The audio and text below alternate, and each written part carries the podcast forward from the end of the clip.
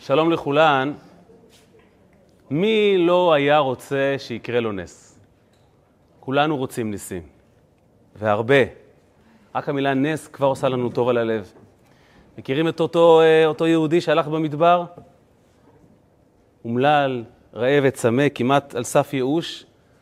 אז הוא זעק, אלוקים, תעשה לי נס. ויצאה בת קול ושאלה, כמה סוכר? אנחנו, אנחנו מייחלים לניסים, והשאלה היא למה, ומה המשמעות של נס, והאם באמת בכוחנו לחולל אחד כזה, או שהדבר הזה נתון רק באמת לאנשים גדולים, לצדיקים גדולים. היום בשיעור אנחנו נלמד איך מחוללים ניסים, ועל כך שכל אחד וכל אחת מאיתנו, בכוחו ויכולתו ובכוחכן לחולל נס. בשביל זה צריכים להבין מהו נס ואיך הוא עובד. מה המטרה שלו ואיך מפעילים אותו. אבל זה אפשרי, וזה בידינו. ולמה אנחנו עוסקים בניסים? או לא וסדה ניסים, מה קרה? משום שאנחנו נמצאים בשבוע שבקצה שלו, בשבת הקרובה, שבת פרשת חוקת, זה יצא ג' בתמוז. וג' בתמוז הוא יום של ניסים. זה היום שבו התחולל אחד הניסים הגדולים ביותר בהיסטוריה של העם היהודי. שמש בגבעון דום, כפי שנרחיב בהמשך. זה יום שבו התחולל אחד הניסים הגדולים של הדור האחרון, שזה שחרורו של הרבי הריאץ, הרבי הקודם מלובביץ', ממלטעות המוות של הקומוניזם, וכמובן, יום ההילולה של הרבי. ניסים. איך עובד נס? מה מטרתו ואיך מפעילים אותו? אני אפתח בסיפור שאולי מגדיר את כל העניין. מה שנקרא, אני אתחיל מהסוף. זה היה בשנת 1952. ובברזיל התחוללה פרשייה מאוד מאוד מאוד לא נעימה. ראש הקהילה היהודית נקלע לתסבוכת עם השלטונות האמריקניים, כאשר אשתו נסעה לחתונה במיאמי, ובמעבר הגבול, כשהיא נכנסה לארצות הברית, אז מצאו בתיק שלה תחתית כפולה ובתוכו יהלומים מוברחים. עכשיו, אה, ראש הקהילה היהודית, יהודי אה, ירא שמיים ואשתו רבנית, וכולכן יודעות שהאמריקאים זה אנשים מאוד נחמדים, עד שאתה מסתבך איתם. כשאתה מסתבך איתם, איי, אף אחד לא יכול לעזור לך. הם אטומים, זה הרי מדינה של מהגרים, ולכן הבסיס הוא, יש אמון עד שאתה מאבד אותו. או כפי שפעם אמר לי ישראלי שעובד באמריקה, הוא אמר לי, לחיות באמריקה זה כמו, זה כמו משחק מחשב, רק, רק בהבדל אחד, יש לך פסילה אחת. בקיצור, אישה אימא לילדים, נתפסה בגבול, כשיש לה בתיק יהלומים מוברחים. קודם כל, מיד עצרו אותה. מיד עצרו אותה. והיא נכנסה לבית המעצר עד, ל, עד למשפטה.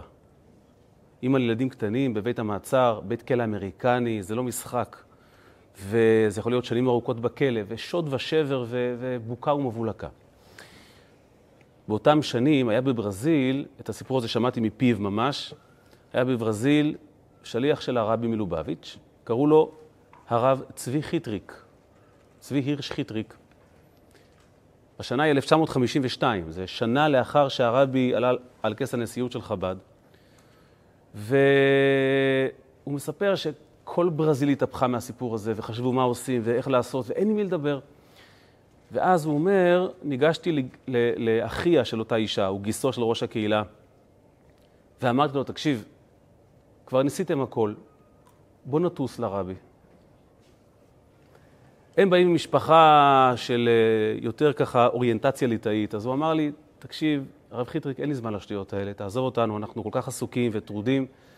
זה לא הזמן לניסיונות, לכל מיני אה, סגולות. אמרתי לו, אבל כבר ניסיתם, וכבר עשיתם הכל. מה אכפת לך? מה תפסיד? ואתה בין כל הרי נוסע לאחותך למיאמי לבקר אותה בכלא וכולי. בוא נעבור דרך הרבי, מה, מה תפסיד? בלית ברירה הוא הסכים, ככה, ככה סיפר לנו הרב חיטריק, בלית ברירה הוא הסכים. טסנו, והגענו לניו יורק ונכנסנו ליחידות אה, לרבי. וכשנכנסנו, ההוא אה, היה מפורק ושבור ורצוץ, אחותו בכלא. הרבי שמע את הסיפור, והרבי אמר לו, איפה אתה בשבת הקרובה? אז הוא אמר, אני במיאמי. אז הרבי אמר לו, כשאתה במיאמי, תהיה במלון ספציפי, מלון זה וזה תהיה. וזהו, והרבי השתתק. לאמור נגמרה היחידות. זהו. אומר הרב חיטריק, יצאנו מהחדר של הרבי, והוא התנפל אליי בצעקות. תגיד לי, אתה נורמלי? סחבת אותי עד ניו יורק כדי שאני אקבל המלצת תיירות איפה להיות בשבת? אתה משועמם, אין לי זמן, החיים שלנו הרוסים, על מה אתה מדבר? למה הבאת אותי? ושוב, שלפתי את אותו נשק יום הדין ואמרתי לו, אבל מה אכפת לך? אבל כבר באנו, וכבר טסת, וכבר שמעת, אז תהיה באותו מלון. מה, מה, מה נפסיד? מה נפסיד? נו, פשוט בגלל שלא הייתה לו ברירה אחרת, הוא הקשיב. ובאמת, נסענו למיאמי והתאכסנו באותו מלון שהרבי ציין. הגיע ליל שבת, וירדנו לתפילת ערבית. והוא פרץ בבכי בתפילה, הוא בכה. בכה את נשמתו שם.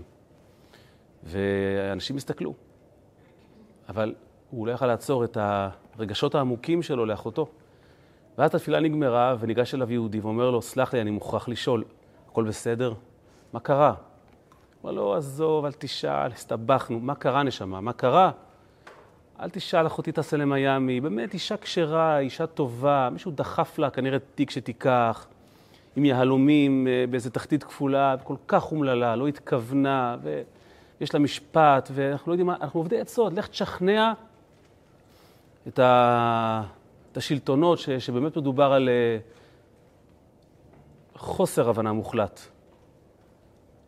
אז אותו אדם מסתכל ואומר לו, איזה קטע. אני השופט שלה. אוקיי, בסדר גמור. ההוא כנראה ראה את הדמעות, את הבכי, וכנראה הגיע למסקנה שבאמת מדובר על, על חוסר הבנה. באותו שבוע היה לה משפט והיא זוכתה. היא זוכתה כשעל הפרק היה כמעט עשר שנים בכלא. עכשיו, נורא נורא מרשים, נכון? נס. כאן מגיע החלק היפה של הסיפור. אבל למה זה נס? בעצם הוא גילה את האמת, אז כשמגלים את האמת, אז הכל פשוט, לא? תראי, כאן מגיע החלק היפה של הסיפור. אומר הרב חיטריק, ברזיל התהפכה מהנס. כולם דיברו על הנס שחולל הרבי מלובביץ'. שוב, הרבי הזה היה פחות מוכר, זה שנה אחרי שהרבי התמנה לנשיאות. הוא אומר, טסתי לרבי בהתרגשות, לספר לו על הנס המדהים שהרבי חולל. נכנסתי אליו לחדר ואמרתי לו, רבי, ברזיל על הרגליים, כולם על גלגלים, איזה מופת נפלא. אז הוא אומר שהרבי הביט בי בכזה מבט, אה, לא עייף כזה, אבל מבט של... אה,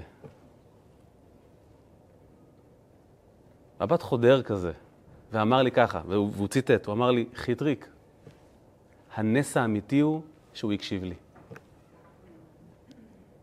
ככה רבי ראה את זה. הנס האמיתי הוא שהוא פשוט שמע בקולי. זה המפתח, זה הצעד הראשון בדרך להבין מהו נס ואיך מחוללים אותו. בואו נצא לדרך. בשבת הקרובה אנחנו נציין 3,300 שנה פחות או יותר, אל תפסו אותי שעה, שעה פחות, שעה יותר, לנס הגדול שחולל יהושע בן נון. זה קרה בעת כיבוש הארץ, כשחמישה מלכים החליטו לתקוף את הגבעונים. הגבעונים היו בני ברית של עם ישראל, ומאוד כעסו עליהם. כעסו עליהם כי כשהם בעצם שיתפו איתנו פעולה, אז הארץ נהייתה נוחה אה, להיכבש. אז ישבו חמישה מלכים, והחליטו להילחם בגבעונים. הם ידעו שאיתנו להילחם זה לא יעזור. היינו חזקים מאוד והקדוש ברוך הוא איתנו, אבל הם חשבו שאם הם יתקפו את הגבעונים, אז לפחות אף אחד לא יסכים יותר להיות איתנו בשיתוף פעולה. והם יצאו למלחמה.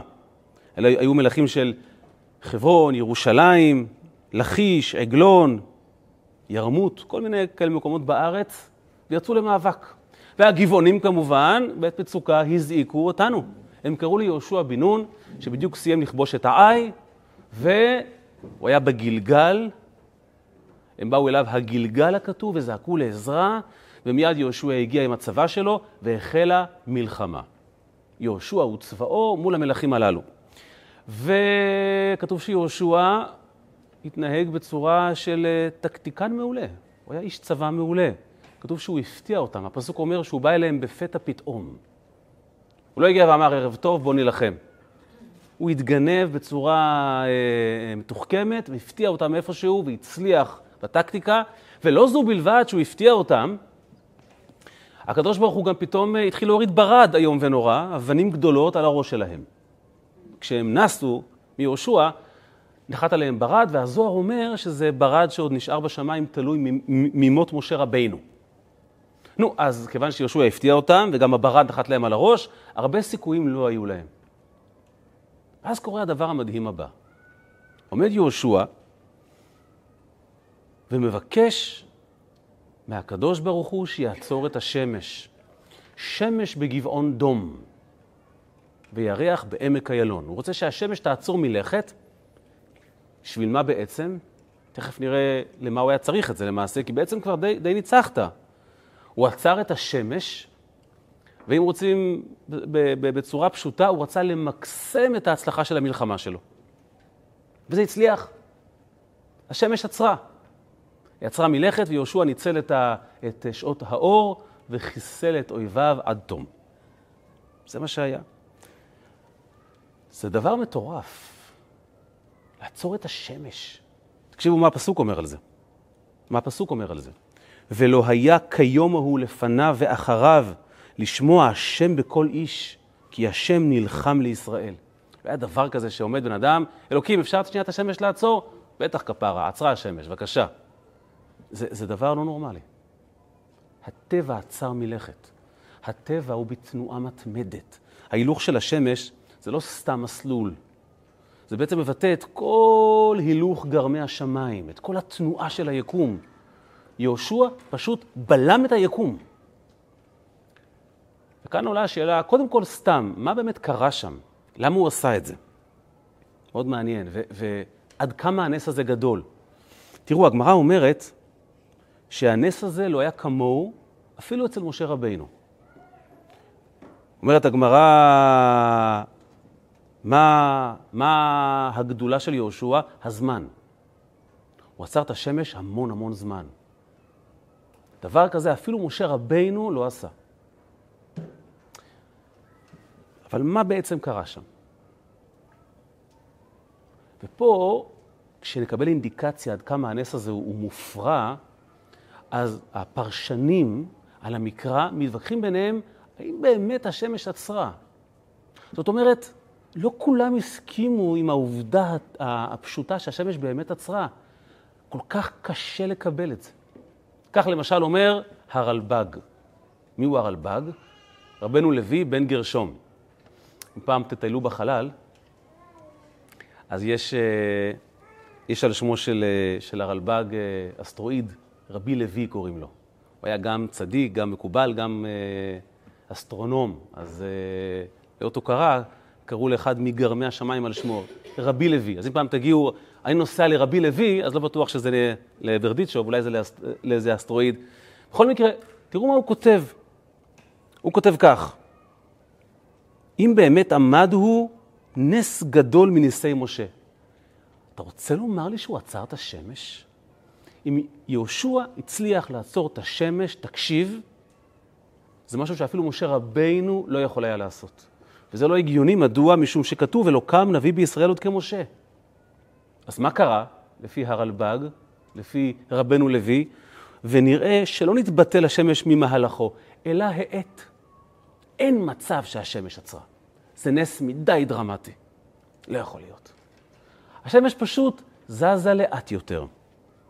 ונראה שהמופת היה שם בתנועת העננים, כי על ידי הליכתם יראה השמש במקום אחר מאשר הוא באמת. היה פשוט מה שנקרא אשליה אופטית. מזג האוויר והעננה יצרו אשליה כאילו השמש באמת באמת אה, זזה לאט יותר, ואז, וכאן אמר יהושע, כי ישלים הנקמה בטרם יסור השמש, והמופת היה שהשלימו הנקמה כל כך מהר. אף אחד, אומר רבי לוי, לא עוצר את השמש, תשכח מזה. אין פרוטוקול כזה. אני אסטרונום ורב גדול. יש אסטרואיד על שמי. לא עוצרים את השמש. נס היה. הנס היה שהצליחו להשלים מהר מהר את המשימה. כן, זה נס. כי לוקח זמן להשמיד את האויב. הוא לא מקבל את זה. שנבין את המימדים הדרמטיים של הנס. אבל זה גרם לכל מיני פרשנים אחרים לצאת נגדו בחרב וחנית. למשל, ישנו ספר שנקרא בעל העקידה. הוא תוקף אותו חזיתית. תקשיבו למילים, זה פשוט מרתק. והנה, כותב, זה, הוא היה מהחכמים בזמן גירוש ספרד. נפלאו קצת מחכמי ישראל האחרונים מכל חכמי העמים, ובקורתם ברית עם הפילוסופיה היוונית משתדלים בכל עוז לבטל הניסים שהעידה התורה האלוקית עליהם עם פרסומם הגדול. יש רבנים שקצת נהיו פילוסופים, שקצת אימצו את הפילוסופיה היוונית, לא מוצא חן בעיניי העניין הזה. הוא מנסה להמעיט מערך הנס. מה זה השמש לא עמדה? כתוב שמש בגבעון דום. אל תגיד, לש... אל תגיד לי שהשמש לא עמדה. עמדה. ואלו משתדלים לעוות עלינו הכתובים, להחזיר לתוהו ובוהו המופתים היותר מפורסמים. איזה מילים. כהרלב"ג וחבריו. הוא גם מה שנקרא נותן כתובת. אומר, זה השפעות זרות של, של, של הפילוסופיה. ואמר בעניין חזקיה, שהמופת לא היה מצד תנועת השמש, כי מצד העננים, ופירושים אלו לא יחילם לשון הכתובים ולא יסבלו הדעת. לא רוצה לשמוע את זה בכלל. עמדה גם עמדה השמש. ויותר מגונה, מה שכתב שמש בגבעון דום, שרק עניין נקמה בזמן מועט. איך, אה, איך ננסח את זה בצורה פשוטה? ואף על פי כן, לא נוע תנוע השמש. עמוד תעמוד. לא מקבל את זה. למה אני אומר לכם את זה? תראו את, ה, את הוויכוח הסוער, וזה רק מקצת. יש דיון שלם, אגב, מה, מה הרמב"ם סבר, מה הוא בדיוק התכוון כשהוא כתב, כי הוא נותן מקום לכאן ולכאן. זאת אומרת, אתה למד דבר אחד, מה שיהושע עשה פה זה אירוע דרמטי. כי יהושע עצר את היקום מלהתקדם. עכשיו תראו, אני עוצר ושואל שאלה פשוטה. אנחנו אנשים נבונים, בוגרים, בואו נניח שהשאלה הזו באה לפתחנו. עמדה השמש או לא עמדה השמש? ואני שואל שאלה אחרת לחלוטין. בשביל מה? מי צריך את זה? למה לעשות אירוע כל כך אה, דרמטי על כלום? בין כה יהושע עמד להביס את האויב. בין כה נחת להם ברד על הראש. מי צריך סיוע אטומי לאירוע יחסית נקודתי? לא עמדנו פה לפני סכנת כליה, לא מדובר על איזה המן. יהושע היה גיבור חיל, צדיק עצום, טקטיקן גדול, ובכל מקרה עמד להניס את האויב. את, ה, את האויב. מי צריך את זה? עוד דקה, פחות דקה, מה זה משנה? ובינינו, מה הסיפור? להביס את צבא האויב? אז שאלוקים ייתן להם ברכה לצבא האויב, שיהיה להם כאב בטן. מה צריך להגיע לשמש? מי צריך להגיע לשמש? אם לצבא האויב פשוט תכאב הבטן, אי אפשר להילחם כשהבטן כואבת, ואתה תנצח אותם. יותר מזה, תביא להם קורונה. פשוט. מה, מה צריך לעצור את השמש? איפה נסעת, יהושע? איפה הלכת, הקדוש ברוך הוא? לעצור את השמש? על מה ולמה? לא, הקדוש ברוך הוא, אתה רוצה שלא יהיה אויב? פשוט תהרוג אותו. מה הסיפור עם עצירת השמש? איך הגענו לאירוע כל כך דרמטי על מקרה יחסית לא כל כך מיוחד? קצת הפעילו פה נשק לא סביר, לא, לא מידתי, זה לא הגיוני. מה הסיפור עם העניין הזה? אתם מכירים את השאלה הזו, אתה אומר, היה נס. מלחמת ששת הימים היה נס. היה נס? צה"ל נלחם וניצח, היה נס. ניצ... נלחמנו טוב וניצחנו. הקדוש ברוך הוא עשה נס, צה"ל עשה נס. אדם היה בסכנת חיים, הרופא טיפל בו, נס הוא ניצל. נס. הרופא הציל אותו. יש ניסים, יש מקרים לא סבירים, אבל נס.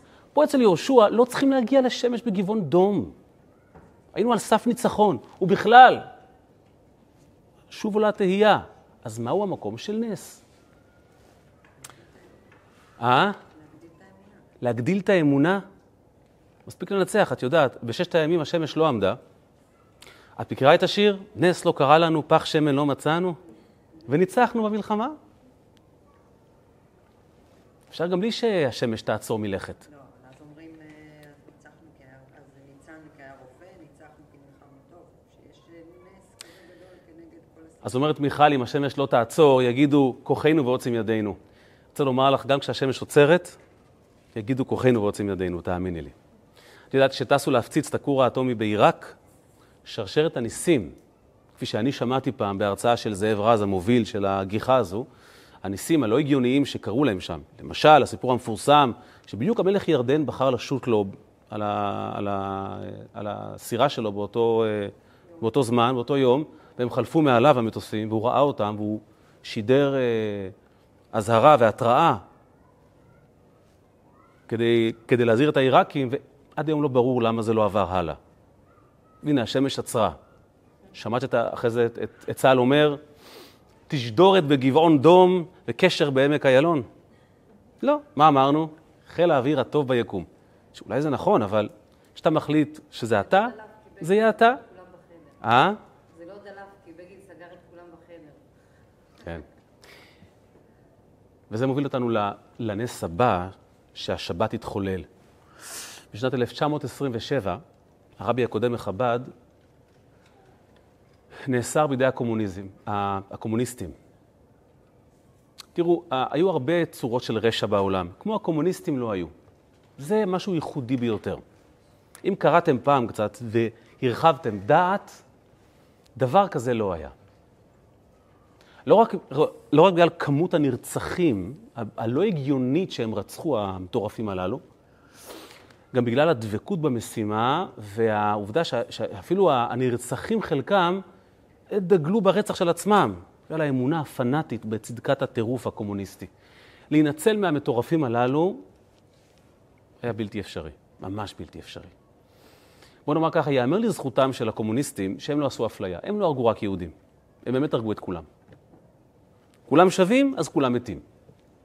רק שתבינו את הטירוף, היה שר החוץ ב... בברית המועצות, בטח שמעתם עליו, מולוטוב, ההוא מהבקבוק, שקרוי על שמו. אשתו הייתה יהודייה, פולינה מולוטוב. סטלין, יימח שמו, בערוב ימיו אה, פרצה לו האנטישמיות. הוא החליט לנקות את כל רוסיה מיהודים. בין היתר הוא גם הורה לעצור את אשתו של מולוטוב. היא הייתה עצורה.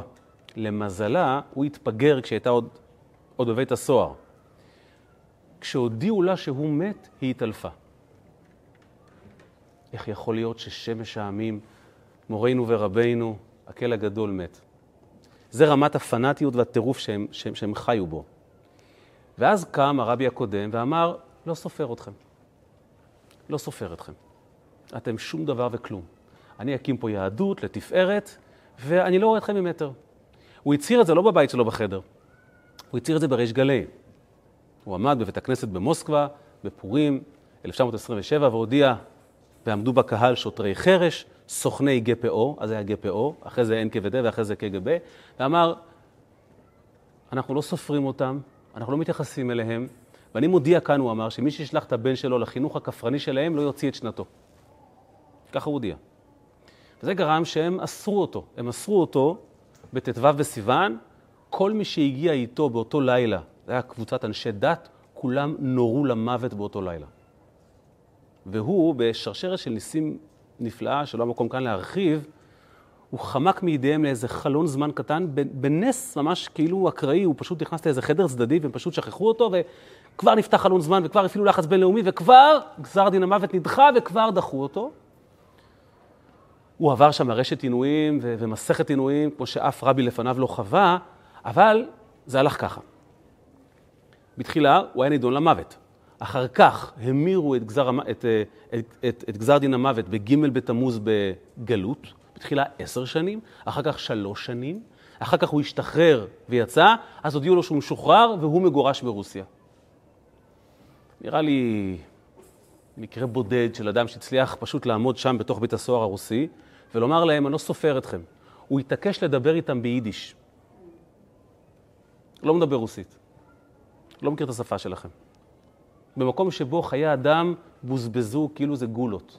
הוא פשוט לא ספר אותם, והוא חטף על כך. ומי עצר אותו? ומי עצר אותו?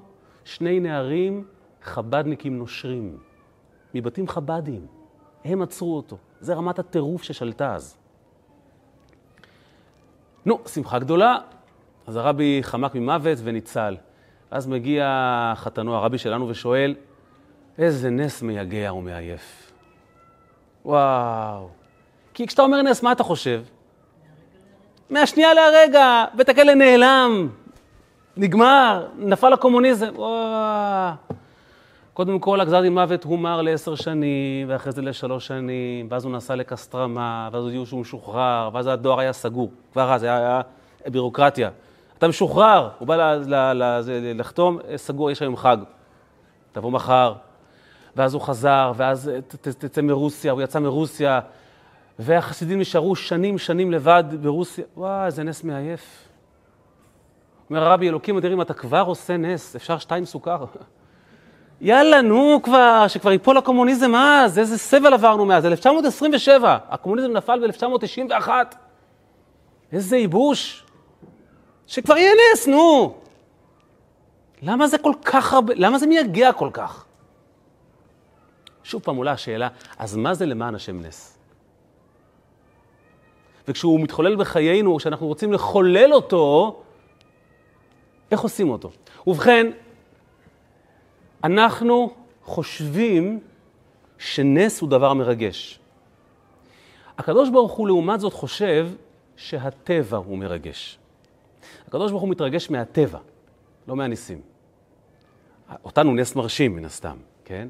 אבל בשביל הקדוש ברוך הוא, נס זה המצב הטבעי, כמו שאת אמרת קודם בצדק. אבל הטבע הוא דבר מדהים, כי הטבע לא היה אף פעם. נס זה בעצם הרי גילוי אלוקות, אלוקים מתגלה. אלוקים תמיד היה, אבל הטבע הוא דבר פלאי. בעיני הבורא הטבע הוא דבר פלאי.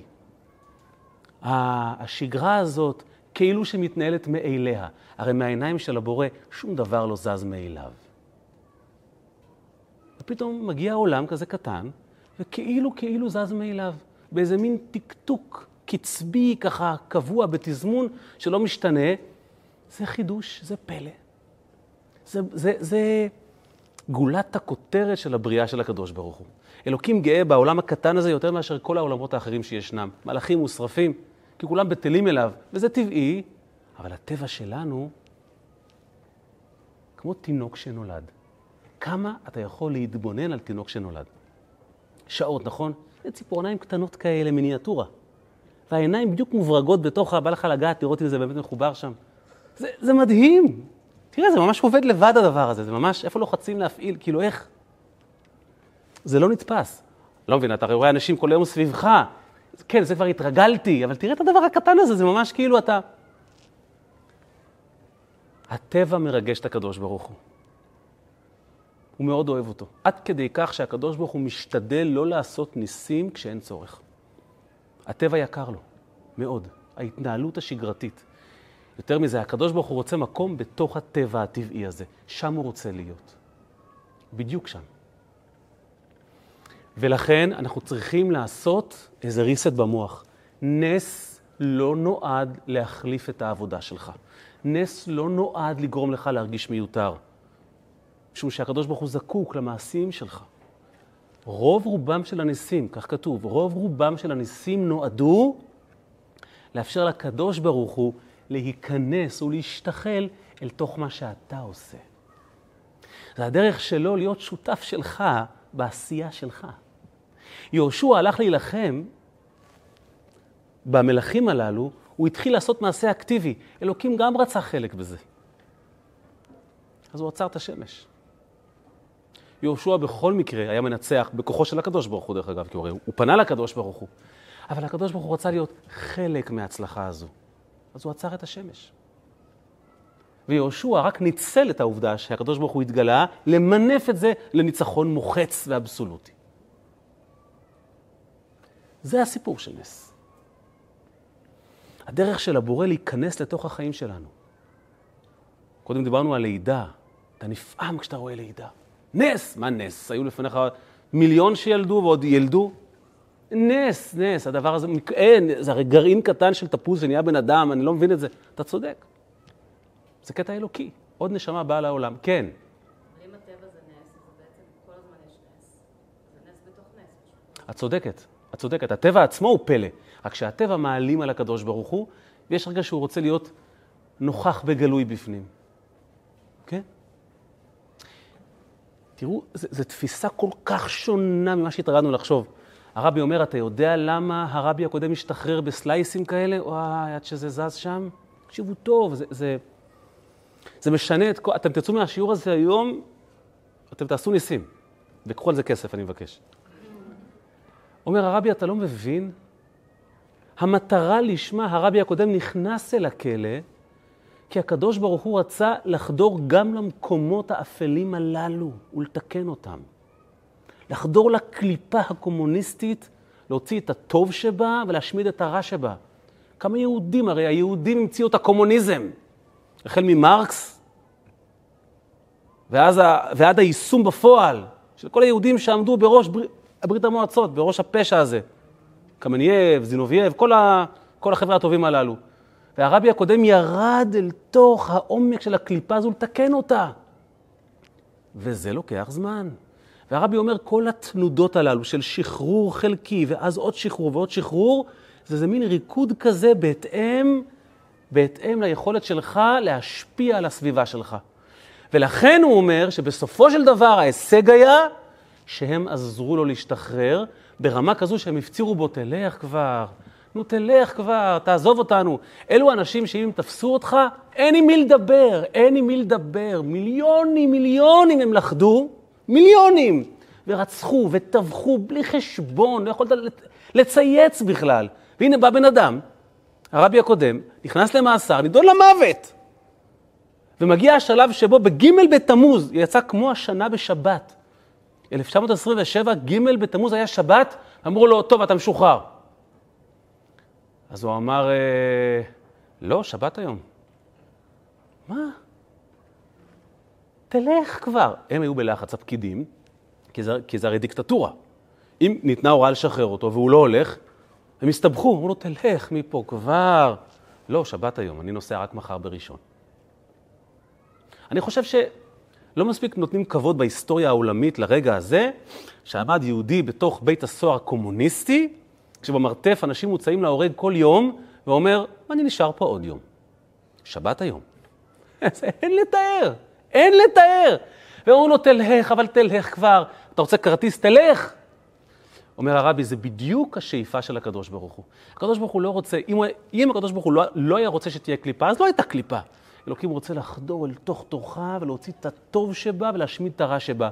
והעובדה שהם עמדו ואמרו לו, תלך כבר! אוקיי, ניצחנו. אבל זה לא הסוף, חכה. מה אם להפיל את כל הקומוניזם? אז זה ייקח עוד כמה שנים. נכון, זה לקח קצת זמן. הרבי ריאץ נתן מכה ליסודות של הבניין הזה, ואכן ב-1991, כשזה התמוטט, אף חב"דניק לא הופתע. אה, אוקיי, סוף סוף. היום במוסקבה יש 42 בתי חב"ד. חבל שסטלין לא חי. לראות את הטוב הזה. זה נס. נס זה הדרך של הקדוש ברוך הוא להציע לך שותפות במשימה, לא לייתר אותך. ולכן, הנס הזה של להשתחרר לאט לאט הוא בהתאם לנסיבות, עד שהסביבה תסכים, תכיר בכך ותשתף פעולה. ועד שנשיא רוסיה בעצמו יקים בתי חב"ד, מה שקרה בהמשך. זה הסיפור של נס. ולכן, כשאנחנו מבקשים מהקדוש ברוך הוא שאנחנו רוצים נס, וזה לגיטימי לגמרי, זה הפרוטוקול. אתה יודע מה אתה צריך לעשות, תתחיל לעשות. תהיה אקטיבי, תן לקדוש ברוך הוא סיבה לרצות להיות שותף שלך. הקדוש ברוך הוא עוזר לצבא שיתאמן טוב יותר. אם אתה עושה, אתה שותף ראוי, הוא יעשה לך נס. ואחרי שהוא עשה נס, הוא לא התכוון שתפסיק לעבוד. קח את היכולות שקיבלת ועכשיו תממש אותן. תכניס את הנס הזה בכל רובד מחייך. למחשבה, לדיבור, למעשה, לילדים. ילד נולד, זה לא נס. זהו, נגמר העבודה? עכשיו זה מתחיל. עכשיו מתחילים. עכשיו חינוך, עכשיו צער גידול בנים. זה הנס. צריכים לעשות שינוי בתפיסה שלנו. ולכן זה יוצא בשבת ג' בתמוז. אגב, כתוב שזה יצא באמת, שמש בגבעון דום, כתוב שזה יצא בג' בתמוז. זה כותב את זה בעל סדר הדורות, שזה מיוחס לרבי, לרבי יוסי התנא. הוא כתב שזה היה בג' בתמוז. בשבת פרשת חוקת. מה זה חוקת? חוק. אז, אז תגיד חוק, זה חוק התורה. למה, למה, למה חוקת? אז כתוב שהתף, התף הזו בסוף, בסוף, היא מסמלת את היישום של הנס. יש חוקים שברא הקדוש ברוך הוא, אתה לא יכול להתמודד מולם. חוקים טבעיים, חוקים ניסיים, יש חוק. מה התפקיד שלי? כל אות מסמלת משהו. מה האות ת' מסמלת? תחייה. קח את החוק ש- ש- שקבע הקדוש ברוך הוא ותוריד אותו לעולם שלך. אנחנו יודעים הרי שהאותיות, הגג העליון שלהם, כן? זה, זה הקטע הרוחני, הגג. נגיד, למשל, אה, נניח אה, האות אה, ר', יש לה גג, זה הקטע הרוחני, האבסטרקט, ואז יש לה רגל ש, שבאה למטה, זה ה... היא מחוברת לאבסטרקט. זאת אומרת, זו עשייה אבסטרקטית, כמו דיבור, אבל אין רגל מ... מ... משמאל. זאת אומרת, זה לא יורד לתוך העולם. כתוב שקורח, בשבוע שעבר פגשנו אותו, קורח זה כמו חוקת, אבל עם ריש. זה, חוק, זה חוק ריש. קורח לא התחבר לו שאתה לוקח נס גדול ושם אותו בתוך העולם הזה. אלוקים, תעשה לי נס, אני רוצה לזכות בלוטו. מכירים את זה? אני רוצה לזכות בלוטו. מי אמר שזה טוב לך? מי אמר שאתה צריך את זה? אתה לא צריך את זה. למרות שהסיכוי אה, אה, לזכות בלוטו, עם טופס או בלי טופס, זה אותו סיכוי, פחות או יותר. אתה לא צריך את זה. חוקת זה התיקון של קורח. הוסיפו לו רגל ברייש, אבל לא סתם רגל. התף הרי יש לה רגל יורדת מצד שמאל, ואז גם ככה יש לה איזה מין עוד איזה ככה נקודה קטנטנה. למה? הנקודה היא תמיד מסמלת ביטול. זאת אומרת, אני לוקח את החוק האלוקי, טומן אותו בחיים שלי, מתמזג איתו, מתבטל איתו ועובד לפיו. אני לוקח את החוק האלוקי והופך אותו לפרוטוקול של החיים שלי. הוא אמר לך, תעשה. אבל איך אפשר? איך אפשר לעבור את הקיר? פשוט תעבור, הוא תכף יצטרף. היה פעם חסיד, קראו לו רבי זושה וילימובסקי. קראו לו הפרטיזן, גם כי בעברו הוא היה פרטיזן, וגם כי הוא היה פרטיזן באופי שלו. והוא היה מה שנקרא אה, איש המבצעים המיוחדים של הרבי בארץ. היו צריכים לעשות... אה, אם פעם הייתם על כביש מספר אחת, ושמתם לב שהוא מתעכל באזור נתב"ג, אז זה לא התוואי המקורי שלו. הוא התעכל כיוון שהרבי ביקש שהוא יתעכל.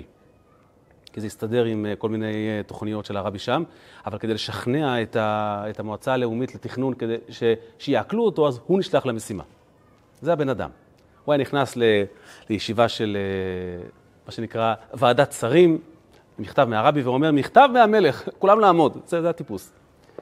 אבל הוא היה אדם שתוכו כברו, כיבדו אותו כי הוא היה איש אמיתי. אז עליו מסופר שפעם באיזו אספה שעשו, אז uh, הוא הגיע עם איזו דרישה שהרבי ביקש, ואמרו לו כולם, תקשיב, אם הרבי מלובביץ' יבקש לקפוץ מהגג, אנחנו נריב מי יקפוץ ראשון. אבל אם הרבי יבקש שנרים את הבניין, אה... אז הוא אמר, תקשיבו, אם הרבי יבקש להרים את הבניין, אני ארד למרתף ויעשה ככה. מה יקרה? זה כבר לא אחריות שלי.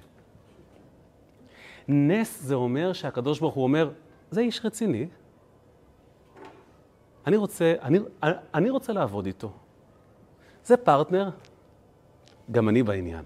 לכן אחרי שיהושע התחיל להילחם, הקדוש ברוך הוא התערב. לכן כשהרבי אריאץ עשה הכל ונכנס לכלא, אז קרה הנס. וגם בחיים שלנו. אם אתה אקטיבי, יהיה לך נס. הרבה פעמים כשאני נוסע להרצאות, אנשים עוצרים אותי אחרי ההרצאה, הרב, אני רוצה זיווג, הרב, הילדים, הרב, הפרנסה. מה אני יודע שאתה לא יודע? אבל אנשים מחפשים ניסומט. וזה בסדר, זה טבעי. אבל מה התשובה האמיתית היא? אם אתה תעשה, יהיה. ככה נס עובד. וזה קשור במיוחד לתאריך של ג' בתמוז, יום ההילולה של הרבי. כי תגידו לי אתם, הנס המטורף הזה שהרבי חולל, שבכל נקודה על פני הגלובוס מחכה לכל יהודי ולכל יהודייה, איזה בחור צעיר, שזה עתה התחתן, למצוא להם פתרונות לכל דבר. למרות שהוא עצמו עוד לא מכיר את החיים בכלל, אבל הוא יפתור להם את כל הבעיות בחיים. בכל נקודה על פני הגלובוס. יש נס גדול מזה. היה פעם דור שהיה דבר כזה, ואז אתה אומר, רגע, יש, יש כאן משהו מדהים. הגיע הרבי מלובביץ' וחולה נס בינלאומי, אינטרגלקטי, כבש את העולם, איזה כוחות הוא הפעיל כדי לעשות את זה. ואז אתה אומר, איזה כוחות? תסתכל במראה. אתה, את, אתה. זה פלא שלא יאומן. הרבי הישיר מבט ואמר לנו, אתם רוצים לראות נס? תתחילו לעשות. ואין שליח אחד של חב"ד מתוך ה-6,500 שלא יאמר לכם, הבניין הזה הוא הנס. נס, אין לי מושג איך זה צץ פה. הקהילה הזאת, תקשיב, זה, זה נס. לא יודע איך זה קרה, זה לא הכוחות שלי בכלל. אין, אין סיכוי. והאמת היא שזה לא רק שלוחי חב"ד, כל מי שהגיע איתו במגע, הרבי לא הניח לאף אחד להישאר בתחום הנוחות שלו. אף פעם. היה פעם סופר שכתב לרבי ש...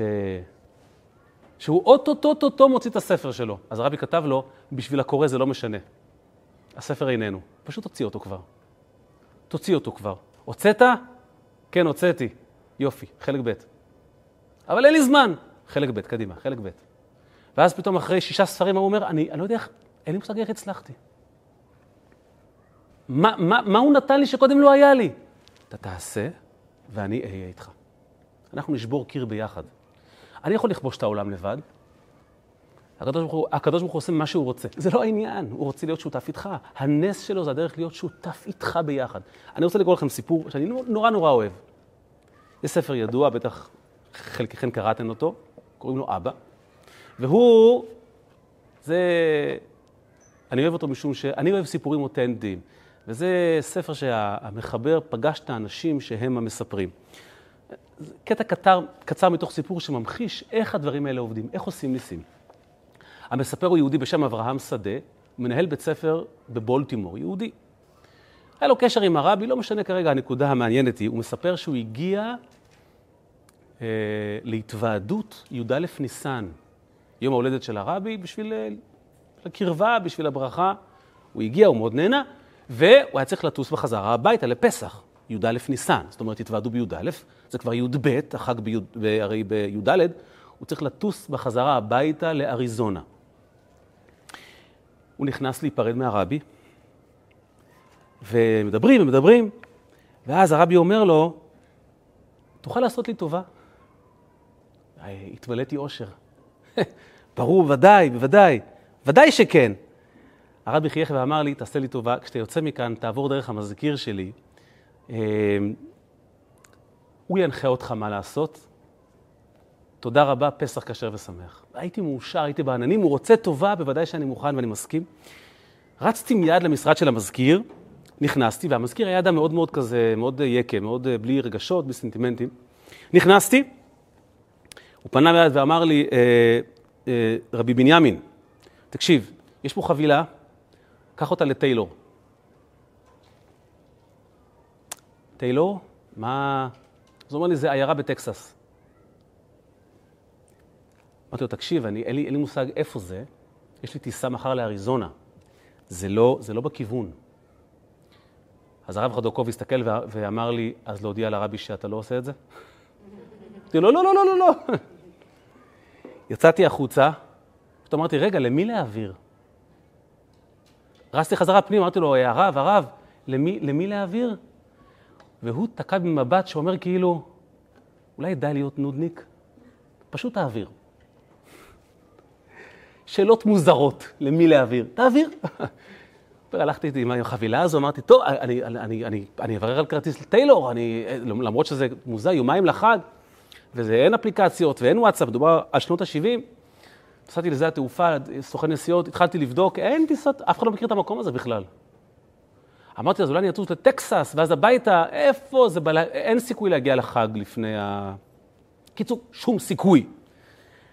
בקיצור, ראיתי שאין אין, אין שום, אין, אין שום עניין, ואמרתי לעצמי, אוף, איזה לוזר אתה, עד שהרבי מבקש ממך משהו פעם בחיים. כמה אנשים זכו שהרבי יגיד להם, תעשה לי טובה. איזה עצבים, ועד ש... הייתי ככה, מה שנקרא, מבואס על עצמי, אבל אמרתי, טוב, אין מה לעשות. ניסיתי. ארזתי את עצמי, את החבילה, ועליתי על טיסה הביתה. והייתי עייף, תחשבו, זה היה ערב קודם התוועדות כל הלילה, והבוקר הוא היה ביחידות. בקיצור, אני יושב במטוס, ואני פשוט נרדם, והטיסה היא שלוש שעות, ככה הוא כותב, מניו יורק לאריזונה. הייתי עייף ונרדמתי. התעוררתי משנתי עמוקה אחרי שעתיים, אני קורא לכם בפנים כדי ש... לשם הקול הקברניט המודיע שבשל תקלה במנוע המטוס אנחנו עומדים לנחות בטיילור. איפה? שאלתי. טיילור.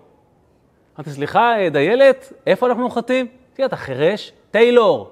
טיילור. אז הוא אומר לי, אמרה לי, T-Y-L-E-R, טיילור. אף אחד לא מבין מה אני... טוב, נוחתים בטיילור.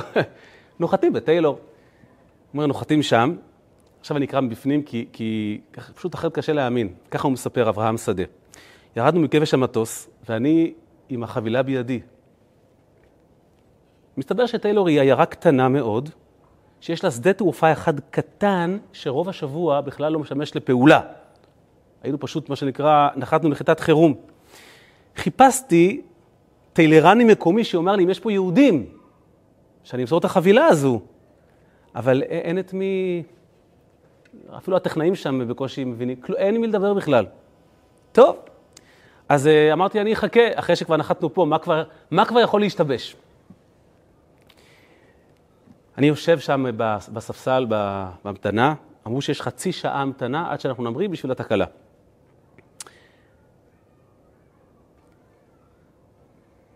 לפתע פתאום ניגש אליי זוג יהודי צעיר ושואל אם אני נוסע עבורם חבילה מהרבי. אז הוא כותב, דבר כבר לא הפתיע אותי. אמרתי להם, כן, טבעיות. אמרו לי, תודה רבה. איך זיהיתי שהם יהודים? הוא אומר, הם לא נראו דתיים, האישה לבשה צנוע. אבל לפי השאלה, לפי הסגנון, הבנתי שהם יהודים. אמרתי להם, כן, הם לקחו, אמרו תודה רבה, ו... וברוב שזה היה פשוט, אפילו, אפילו שאלתי מי אתם, והם פשוט נעלמו.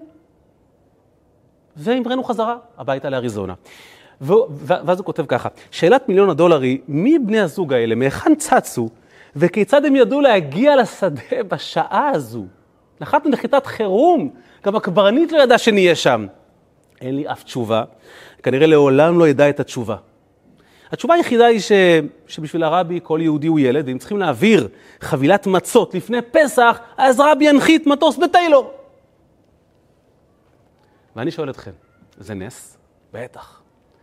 אם אברהם שדה היה אומר לרבי, רבי, אני לא טס לטיילור, אני לא אקח את החבילה. אז הם, אותו זוג צעיר, לא היה מקבל את המצות. היו מוצאים דרך. אבל האקטיביות שלו זיכתה אותו שהנס רדף אחריו, וזה קרה ככה. תתגייס למשימה, הנס כבר יגיע. בעצם הנס הגדול הוא... אה? הנס הגדול הוא שהרבי אמר לך, אתה הסיפור האמיתי, אתה הנס. תאמין לי, תאמין בעצמך. תלך, אתה לא תאמין מה יקרה. דבר איתי עוד 50 שנה. אני רואה קצת יותר למרחוק. השליחות, ואת יודעת מה? לא רק השליחות. כל אדם, כל סוחר, כל מורה, כל מורה, כל ילד, כל, כל איש מקצוע שנפגש עם הרבי, הרבי סירב להסכים עם הגבולות שאנחנו מציבים לעצמנו, ואמר וביקש, תחוללו נס. איך? תתחיל. אתה לא תאמין לאיפה תגיע. אתה תביט לאחור ותאמר, וואו, זה נס. השיעור הזה פה הוא לא נס. הוא לא התחיל מנס. לא ראינו ניסים. נס. לא היינו מתחילים, לא היה קורה.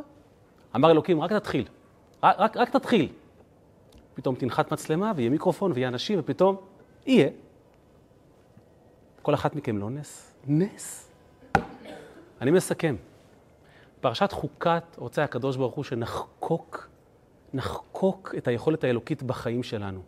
זה מתחיל מהאקטיביות שלנו, ההבנה שהאקטיביות הזו גורמת לקדוש ברוך הוא לרצות להיות יחד איתנו ולחולל את הנס, ואז התפקיד הוא אחרי הנס לא להיתפס לשלווה, להגביר את הקצב ולעשות עוד. כמו אותו אדם המפורסם שעבר, אה, יש איזה וידאו, הוא עובר ואומר לרבי, אה, הוא אומר לרבי שלום, אז הרבי אומר לו, היית פה לפני 18 שנה. אז, אה, אז הוא אומר לרבי, וואו, זה מדהים, איך אתה זוכר מלפני 18 שנה? אז רבי אומר לו, מה יצא לעולם מזה שאני מדהים? אני אנסה לפרוט את זה למזומנים, הרבי אומר לו. לא מעניין. נס, איך אתה זוכר? עזוב, עזוב, עזוב. מה עושים עם זה בפועל? כל הדור הזה שלנו, שוב, ג' תמוז מגיע יום ההילולה של הרבי. הרבי הוא האסטרטג, הנשיא, המשה של הדור הזה. כל כך גרם לנו להאמין בעצמנו ולפרוץ את הגבולות של עצמנו ולהבין שאתה יכול לחולל נס. אני מבטיח לכם, כל אחת מכן, אם תשב דקה עם עצמה, תוכל לפרוט מיד על כמה ניסים שהיא עשתה בחייה, בצורה פשוטה. אבל אסור לעצור, כי הנס הגדול עוד לפנינו. הנס הגדול של ישועת עם ישראל, של, ה, של הגאולה השלמה. כי נס זה הרמה, להתרומם מהטבע. שנראה בעיניים איך היכולת שלנו היא זו שגרמה לקדוש ברוך הוא לכרות איתנו ברית ולהתגלות בעולם. אז בשבת הקרובה, בג' בתמוז הקרוב, אנחנו uh, נעצום את העיניים לרגע אולי. נלמד שיחה של הרבי או מאמר ונאמר, גם אני יכולה, גם אני יכול לחולל נס. בכוחו של הקדוש ברוך הוא, בשליחותו של הרבי. אתה לא יודע מה אתה יכול לעשות. בואו נעשה ניסים.